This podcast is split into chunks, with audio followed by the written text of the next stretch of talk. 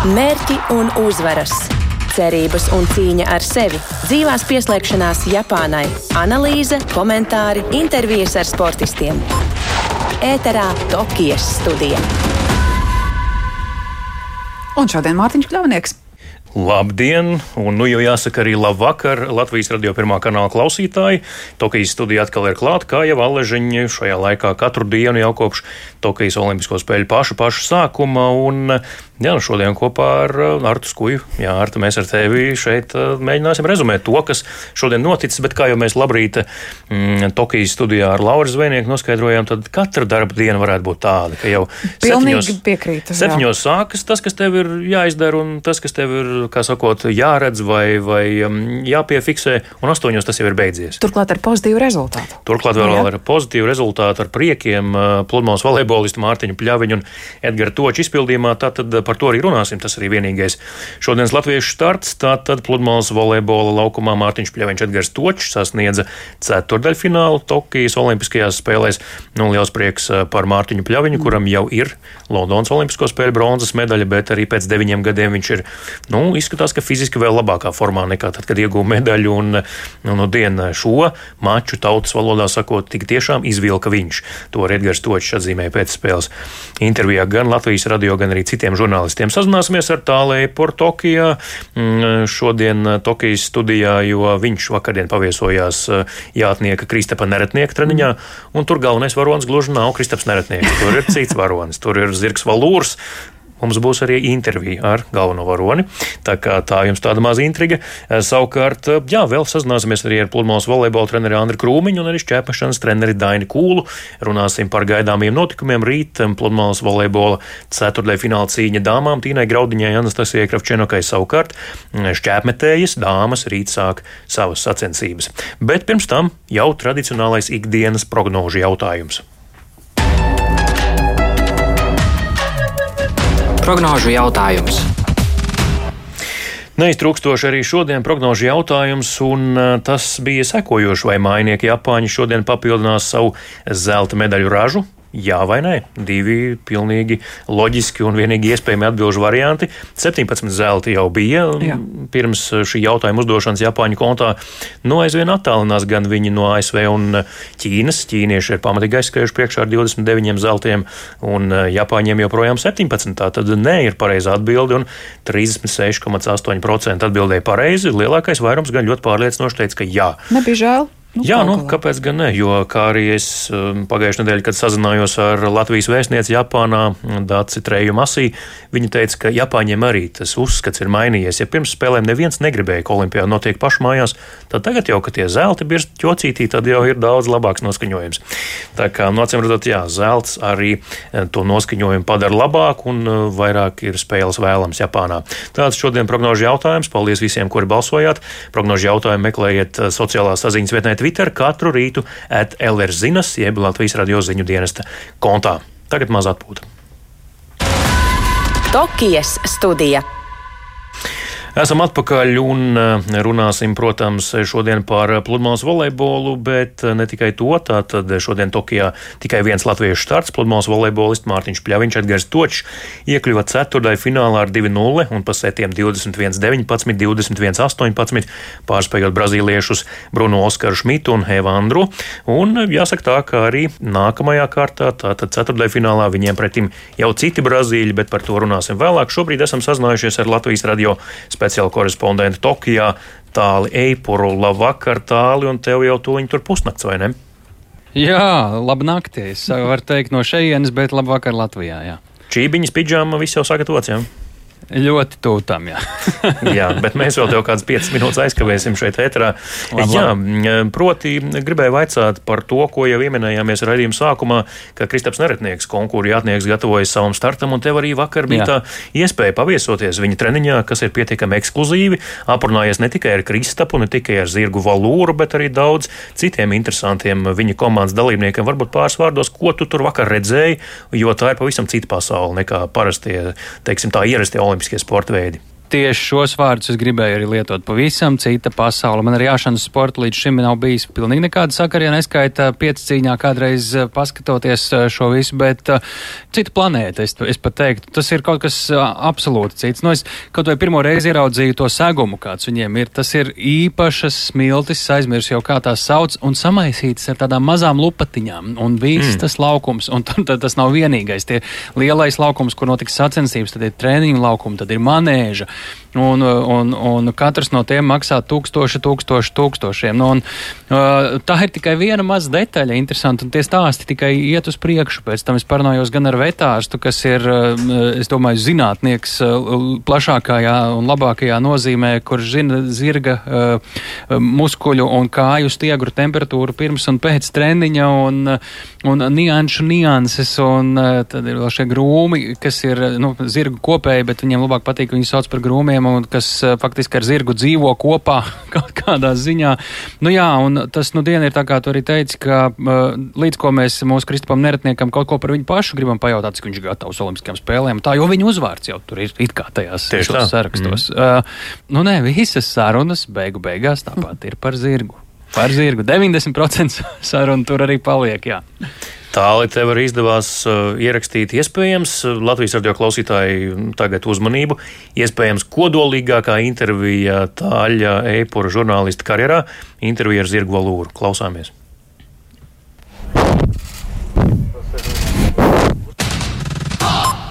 Jā, nu tāda lūk intervija. Jā, kāpēc, tā kāpēc nebija, vairāk, kāpēc nebija garāka pie... intervija tālāk? Zirgs pienāca klāt, es eh, pasniedzu mikrofonu, viņš trīs reizes tur iepūta. Olimpiskie zirgi nedrīkst. tas bija viņš. Nec zviegt, nec kā skaļāk izpausties, kā tur īsti ir. Zini, kā tur tos zirgus tur tādā spā. Viņiem tur ir sava uh, duša, kas ir nevis vienkārši ar cauruli. Tā, domāju, atvēsinošā karstumā, kurai izved cauri zirgus tad, kad vajag. Viņiem ir mazgāšanas, viņiem ir skūšanas, viņiem ir burkāniņi, viņiem ir pat sava rotaļlieta, lūdzu, uh, tur, kur viņš ir apmeties stālī. Tur ir tiek skatīts, kādu sienu viņam dod, vai tas ir vienas zāles, vai citas, vai sausāks, vai mitrāks uz sienu. Viņš esot izvēlīgs, bet burkānu lūdzu katrā laikā par āboliem tagad tagad neatceros, tad viņš pēc starta vai pēc treniņa viņam ir pienāks kāds cukurgraudiņš un, un tam līdzīgi. Nu, kā, es domāju, ja viņam būtu jāzviedz, tā jau, tas jau būtu mājiens, ka viņš ir par kaut ko pārāk mm. satraukts, nu, un to nedrīkst. Jā, nu cerams, ka Valūram Valūru visu apmierinās, un arī sacensību laikā viņš uh, klausīs Kristapa Neretnieku, un rezultāts būs labs tāli. Ne tikai par uh, šo gribēju te vaicāt arī sarunas otrajā pusē, kā vispār uh, šobrīd ir apstākļiem Rīta Olimpisko spēļu otrā nedēļa.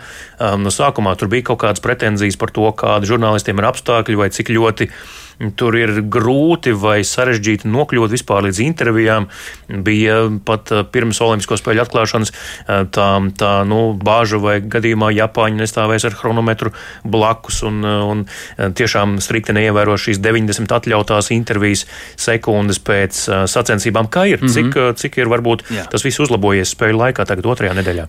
Nu, vienmēr jau ir tā, ka spēļu laikā kļūst relaksētāk tas viss nedaudz pārsvarā un caurmērā, bet joprojām ir ir vietas, kur ir šīs tā teikt, nu, pārnestā nozīmē stikla sienas, un kurām mēs netiekam pāri, kur mēs, salīdzinot ar citām spēlēm, tas ir neiedomājami grūti šoreiz tikt pie tām skaņām, kuras jūs dzirdat arī pie zirga intervijas un līdzīgi. Jo, jo, jo tas tiešām ir tā, ka mums katrs solis ir jāsaskaņo, un viņi ik pa laikam arī atsaka to, ko mēs vēlamies. Eh, jebkurās citās spēlēs tas būtu vienkārši mēs dodamies pie sportistiem, intervējam tur, kur mums ir šīs atvēlētās vietas. Šobrīd uh, pat šī vieta var būt tukša, un viņi var nesaskaņot, un mēs tur netiekam iekšā. Un, uh, nezinām, tie iemesli ir absolūti. Un, un uh, tas visu laiku iedod tādu fona, nervu spriedzi. Un, uh, Mēs varam saprast Japāņus. Es tur politiski ļoti liels spiediens uz spēļu rīkotājiem pārāk brīvu vaļu nelaist, eh, jo publikai tas var nepatikt. Un, un tiešām Covid skaitļi Japānā iet uz augšu. Jāsaka gan, ka tā, to nevar teikt par to šo, šo startautisko olimpisko spēļu rīkošanas un mediju vidi. Tas procents ir minimāls eh, atklāto gadījumu. Tur bija 0,02 laikam kāds bija sarēķinājis. Un testi tiešām sportistiem ir katru dienu, žurnālistiem sākumā katru dienu, pēc tam katru ceturto dienu Ivānu. Nu, ir tādas epizodes, kur tiešām ir ļoti cilvēcīgi, kur uh, cilvēkus palaiž, ļauj strādāt, bet ir reizes, kad ir krietni jāpacīnās, lai mēs vienkārši varētu izdarīt savu darbu. Nu, uh, ir, ir, ir tā savādi. Protams, ir, ir var redzēt šo Japāņu kārtīgumu un grandiozitāti, ko viņi spēj sarīkot autobusi riņķo kā pulkstenīši. Ir, protams, ka šoferi apmaldās. Jā, ir tādi gadījumi. Arī tā gadās. un, un e, Mārim arī Bargam kolēģim e, vēl šodien viņš ziņoja par kārtējo gadījumu. Nu, e, bet tā organizācija ir tik liela, ka šie gadījumi ir nu, tādi komiski, varbūt nedaudz, un tur nekādas traģēdijas, tāpēc gan lielākoties nav. Nu, jā, ir, ir, ir bijis man tā, ka es atskrienu uz autobusu, pulkstenis rāda 17.00, kad viņam ir jātiet, nu viņš tiešām pirms desmit sekundēm ir atgājis un viss divas stundas jāgaida nākamais. Tā kā, tā kā nu, ir dažādi šeit. Nu, ir ir tās savas mikzonas, kur mēs satiekam sportistus, kur mūs vienkārši nelaiž iekšā. Un ir, kur uh, mēs zinām, ka tur ir labi laidēji, un tur mēs vienmēr tiksim iekšā, jau esam iemācījušies nedaudz. Bet sporta veidi katru reizi mainās, mainās, mainās. Un, un tur, kur mēs esam pirmo reizi, vienmēr ir pamatīgi pamatīga nervozēšana, vai mēs tiksim pie intervijām. Tā kā bieži vien tā intervija, kur jūs dzirdat, nu, ka mēs tur aizgājām no intervijām, nu, tas tā nav šajā gadījumā, šajās spēlēs. Jā, jā es tā viss ir smags darbs un pēc tam arī pat cīņa dažreiz, lai, lai to materiālu ierakstītu. Paldies, Tāls Epurs no Tokijas ar labu nakti tāli un gaidām arī um, materiāls no tevis jau rītdien. Um, bet mēs savukārt Tokijas studijā šeit Doma laukumā turpinām un uh, turpinām ar pludmales volejbolu. Tātad, kā jau raidījuma sākumā minēju, tad vienīgais latviešu starts šodien pludmales volejbolā Mārtiņš Pļaviņš Edgars Točs iekļuva Olimpisko spēļu ceturtajā finālā un pārspēja mm, šajā astotajā fināla mačā ar 2-0 pārliecinoši divos setos Brunu Oskaru Šmitu un Evandru Brazīļus un tātad ceturtajā finālā Jau citi brazīļi, Alisons Ruti un Alvars Filja būs eh, pretim, bet lai vairāk runātu gan par to, gan par eh, dāmu, Tīnas Graudiņas un Anastasijas Kavčēnokas gaidāmo maču, kas jau rītdien esam sazinājušies ar pludmales volejbola treneri Andri Krūmiņu. Sveiks, Andri! Uh, sveiki, sveiki! Andrij, sāksim ar puišiem. Ko tu domā par eh, Mārtiņu Pļaviņu? Nu, te jau izskan eh, tādi, um, teiksim, termini kā dzelzs vīrs, terminators un viss kaut kas tam līdzīgs, jo, nu, tiešām tas, ko viņš parādīja šorīt, astotajā fināla mačā, tas bija apbrīnojami. Turklāt viņa vecumā. Ko tu domā vispār par spēli un par Mārtiņu un Edgaru? Nu, es arī gribētu pievienoties uh, tiem uzskatiem, jā, ka Mārtiņš ir uh, viens no tiem sportistiem, kas vienkārši māca perfekti sagatavoties uh, atbildīgiem mačiem. Jā, to viņš ir pierādījis nevienu reizi vien. Būšu atklāts, jā, arī šogad pats biju diezgan skeptisks par viņu uh, un, un viņu sagatavošanos, jo likās kā par maz tās sacensības un, un tā tālāk.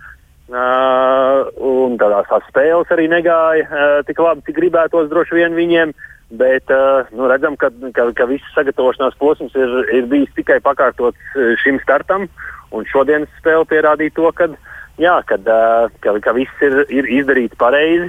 Nu, tagad jau tikai, saka, jāiet, jāiet tālāk. Un paši viņi arī pēcspēles intervijā tā arī sacīja, ka gribēja pārvarēt šo astoņdesmit fināla barjeru, tikt nu, astoņniekā, un tad jau, tad jau var spēlēt vieglu prātu, vieglu galvu. Ko tu domā par pretiniekiem ceturtajā finālā? Nākamie Brazīļi nāk, nāk pretī. Es, es, pat teiktu, es, es pat teiktu tā, ka man uh, liekas, ka uh, varētu būt pat, uh, nu, teiksim, vieglāks pretinieks, mm. ja mēs skatāmies no, tā, no tāda viedokļa. Jā, šodien varbūt Bruno tiešām nenospēlēja savu labāko spēli. Uh, bet nu, nevis tāpēc, ka viņi varbūt tur slikti spēlēja vai ko, bet tāpēc, ka uh, mums ir neļauj viņiem labi spēlēt un jau jāuzteic mūsu puiši.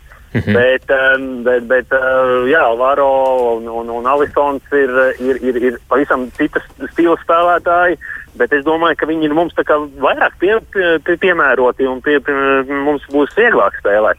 Mm. Tā, kā, tā kā skatīsimies, kā tas sanāks. Uh, protams, te kaut ko prognozēt. Uh, šādā sastāvā jau, un astotnieks ir vienkārši uh, skatoties uz uzvārdiem gan meitenēm, gan, gan, gan, gan džekiem, ir vienkārši fantastisks. Jā, un abos divos astotniekos ir sarkanbalts, sarkanais karoks, uh, kas var būt vēl labāks.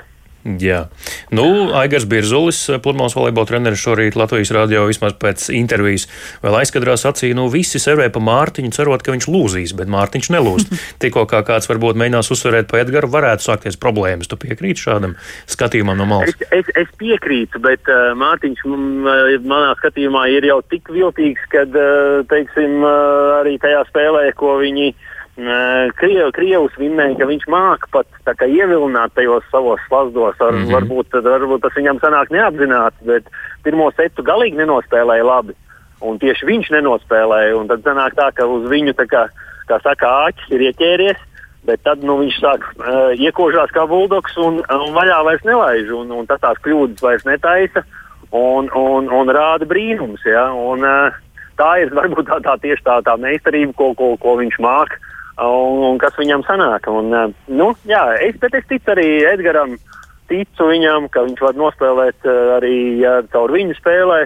Eh, tā kā, tā kā mm, skatīsimies, kā, kā tur būs.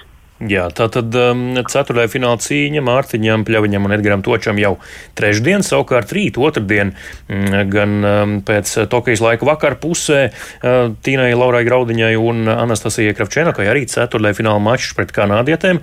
Mm, tā tad Heteri Benslī un Brendiju Vilkersoni, nu, ab, abu pāru savstarpējā bilancē 2-0 par labu latvietēm, un Andris Krūmiņš, mūsu šī brīža sarunu biedrs, arī ir tas, Andri, palabo man, ja kļūdos, bet tas, kurš Tīnai iemācīja visus pludmales volejbola pamats, jā, tā taču bija. Nu, pamat, pamatus, jā, noteikti, bet uh, ir daudz treneri, viņi, viņu ir strādājuši, tāpat arī Anastasija, tā kā tur daudziem treneriem ir ir, ir kā saka, jās, jā, jāsaka paldies par to, kur, kur, kur viņas ir un kā, kādas viņas ir. Mm -hmm.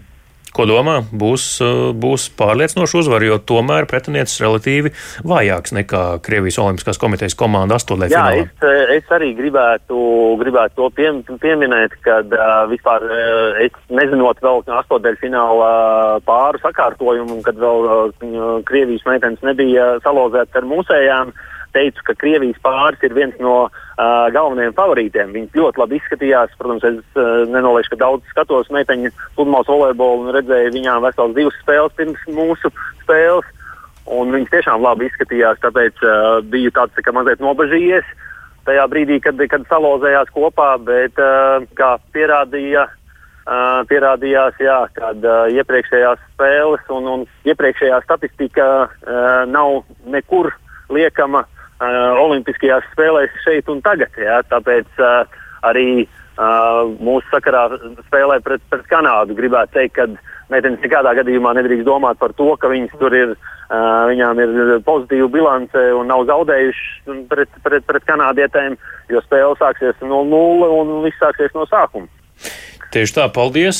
Plurmāns volejbola treneris Ants Krūmiņš sarunā ar Latvijas radio raidījumu Tokijas studiju. Tā tad gaidām Plurmāns volejbola cīņas. Rīt ceturtajā fināls Tīnai Graudņai Anastasijai Kravčenokai, savukārt parīt Mārtiņam Pļaviņam Edgaram Točam. Bet nu no Plurmāns volejbola pie modernās piecas cīņas, kas apvieno Jā. piecus dažādus um, sporta veidus, to varam arī nosaukt tā vai disciplīnas. Un vienīgais Latvijas pārstāvs šajā olimpiskajā Latvijas delegācijā Pāvils Švecovs arī viņš gatavojas gatavojas savam startam un kā gatavojas par to viņš pastāstīja Latvijas radio. Es saslimu ar to covid, jā, un 3-4 mēnešus nevarēju tā pilnvērtīgi trenēties. Pēc tam, kad e, jau tiku, tad sapratu, ka viss ir labi.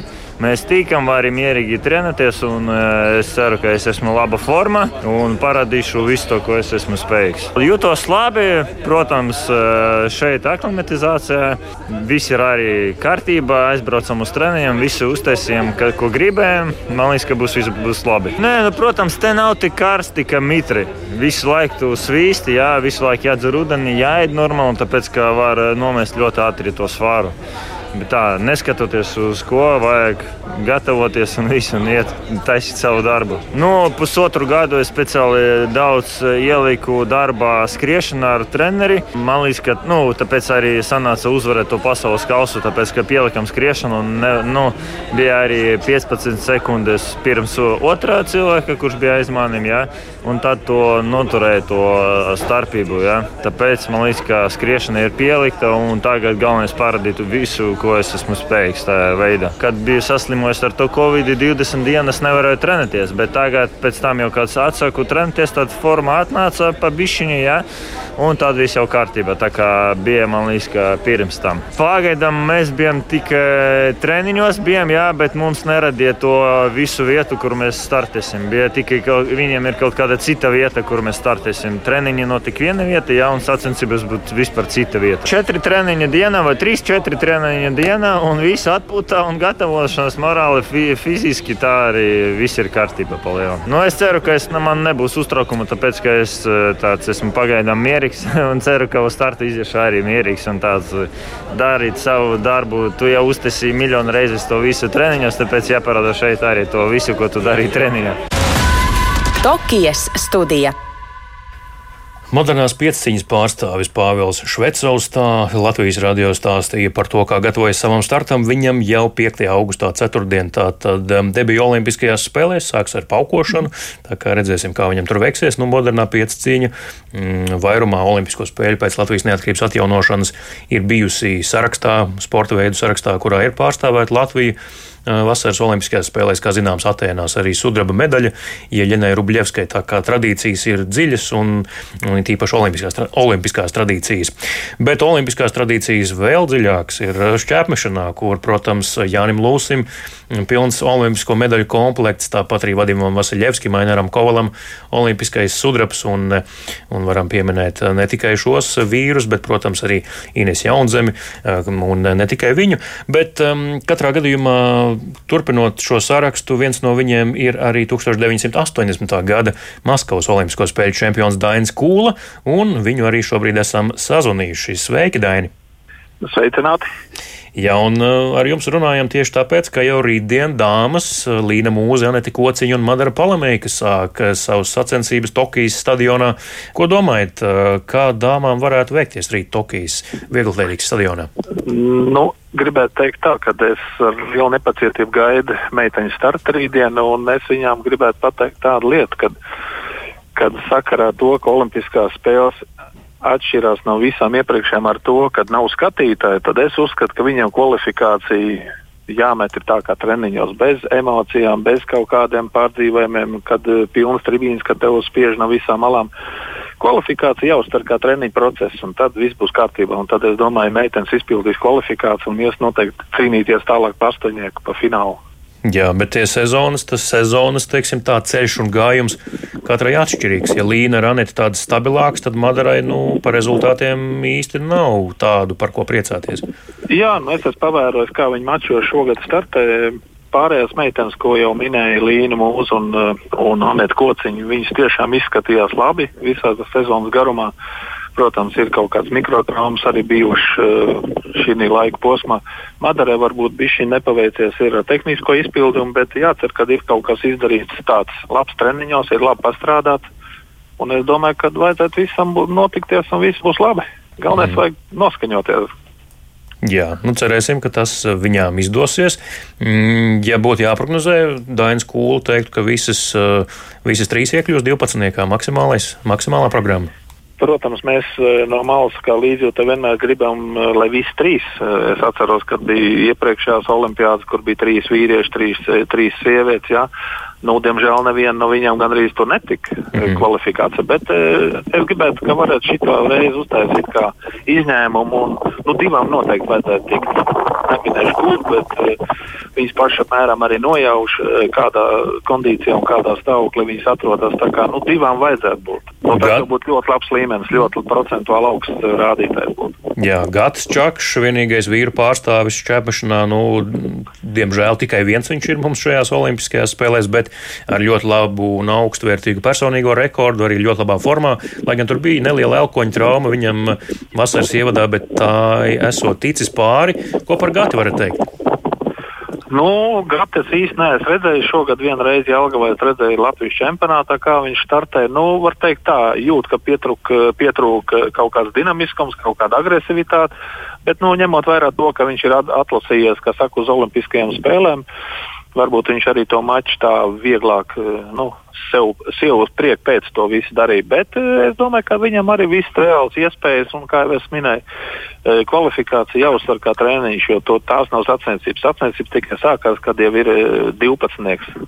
Es no savas pieredzes zinu, ka es tieši to pašu Maskavā, kad metu, jā, tad kvalifikācija tas ir treniņa variants, jo tur kvalifikācija nav vēl uzvara. Kvalifikācija tikai normatīvs. Un ja tu cīnies eh, pa uzvaru jau kvalifikācijā, tad var reizēm beidīgi beigties. Jā. Tā kā Tā... tur mierīgi jāpieiet vēsprātā. Tās lūk vērtīgs padoms no 1980. gada Maskavas Olimpisko spēļu čempionu šķēpašanā Daņa Kūlis. Paldies, Daini, par šo telefonu sarunu, un mēs dodamies tālāk un ieklausāmies, kā tad Gatis Čakš Tokijā gatavojas savam startam. Domāju, ka Dievs pastāvēja kaut kur klāt un teica, ka varbūt nevajag uh, tik daudz pārforsēt. Gan arī sanāca pamežģīt potīti un uh, metot šāp tieši to, ko es vienmēr esmu darījis. Aizķēros aiz aukliņas. Un, uh, likās, ka jau nu, esam beiguši, bet nākamajā dienā jau es uh, varēju steigāt. Pēc divām dienām es vispār es jau metu atkal treniņos tādu pašu rezultātu, kādus visu laiku treniņos metēju. Ļoti nesen tas bija uh, nedēļa pirms atbraucu uz Omaskajām. Brīvais laiks diezgan patīkams. Sanāk, sanāk uh, nosists nu, tādā teiksim, laikā, laika ziņā, jo mēs ar treneri ceļamies diezgan agri, ejam normāli gulēt, jo starts mums varētu būt diezgan laicīgi. Mēs ejam uh, nu, agri gulēt, lai labi, agri celtos un braucam uzreiz uz stadionu, iesildīties. Un šodien, piemēram, aizbraucām apskatīties Olimpisko stadionu. Un, tad sanāk diezgan daudz laika visā tajā. Aiziet pēc tam uz pusdienām, arī ir jāaiziet gabaliņš. Un, tad nav jādomā, ka te nav ko darīt, vai arī visu dienu nogulēt istabā. Piemēram, uz šādu veidu sacensībām arī es negribu atbraukt un riskēt kaut kādus citu veidu ēdienus ēst. Tāpēc es pieturos sākumā pie savējā. Tad, kad viss beigsies, tad es noteikti izpaudīšos un izmēģināšu visu, visu virtuvi, kas tur būs iespējams. Mana virtuve pašlaik ir īsa ar, ar, ar vistu un dārzeņu. Ar, ne, es cukuru pašlaik tā baigi nē, tikai uz sacensībām atstāju. Tas tāds man, mana tradīcija. Tā es pēc sacensībām, nu, nē, vairāk suši, es domāju, visādas tādas veidas. Burgers jau ir ēsts, to arī Latvijā var dabūt. Bet nu, tur noteikti tur ir kaut kāda Āzijas virtuve, ko es vēlētos pamēģināt. Un, ja jau esmu atbraucis šeit, tad tas ir jāpamēģina. Šķēmēties Gats Čakš tā par savu gatavošanos startam, kas jau viņam trešdien, tāda ir kvalifikācija, bet šīs Tokijas studijas izskaņā vēl kā ļoti pozitīva vēsts. Latvieši atkal ir izcēlušies un Olimpiskajās spēlēs ļoti patīkami. Mm, jā, izstāstīšu par to, ko ir paveikusi Linda Plaude, kur savulaik mācījās tepat Rīgā Oskara Kalpaka tautas daļamat pamatskolā. Tiesa, kad Linda bija 14 gadus veca, viņas mamma kopā ar Lindu un jaunāko brālīti pārcēlās uz Nīderlandi. Tur Linda pabeidza vidusskolu un tad studēja dizainu Amsterdamas modes institūtā, absolvēja to 2016. gadā un savā diploma darbā viņa apvienoja apģērbu un elektroniku. Un tā ir allaž bijusi viņas interese padarīt apģērbu interesantāku, noderīgāku, papildu funkcionalitāti tam piešķirt. Kopš 2017. gada Linda strādā Delftas Tehnoloģiju universitātē. Tur arī veido viedo apģērbu, kas ir tieši saistīts ar veselības, ar sporta, ar rehabilitācijas uh, jomu. Un kopā ar savu zinātnisko vadītāju Kasparu Jansēnu viņa universitātē izveidoja industriālā dizaina tekstilu laboratoriju. Tur kopš 2018. gada viņiem bija projekts Termo Tokio. Un šī projekta vadītāja arī lūdza izstrādāt tādu apģērbu, kas sportistiem palīdzētu cīnīties, zinot, ka Tokijā būs karsts un ka Tokijā būs mitrs. Un tā arī ir. Un tā arī ir. Un šai cīņā sportistiem patiesi palīdz tas, ko Linda ar saviem kolēģiem ir radījusi. Protams, sadarbojoties ar ražotājiem, sadarbojoties ar Nīderlandes Olimpisko komiteju, meklējot tos labākos materiālus un labākos risinājumus, tika nonākts pie secinājuma, ka, nu, kas tad cits, ja neviena laba naģene varētu noderēt, turklāt tāda, kurā nav nekādu sensoru, nekādas elektronikas, tāda, kas der visiem sporta veidiem, nu, tad tāda arī ir radīta ar atvēsinošiem materiāliem, atliek to ielikt leduskapī vai augstā ūdenī, izcelt ārā un 40 minūtes šī galvas sega palīdz sportistam, trenerim labi justies. Tas viss ir saražots 500 eksemplāros, un Nīderlandiešu galvas sargā latvietes darbs. Jā, balts cepurīts ar oranžu uzrakstu Team NL, jeb Nīderlandes komanda. Tās ir tās, kas veicina sportistu galvas tieši Nīderlandes delegācijā. Tā kā lepojamies ar latviešiem, latvieši ir visur, tātad, kā jau iepriekš minējām, arī viens BMX treneris ir Nīderlandes komandā, bet Tokijas studija līdz ar to šodien arī izskan. Paldies! Studijā bija Artas Kuja un Mārtiņš Kļavinieks. Tiekamies jau kādu citu dienu!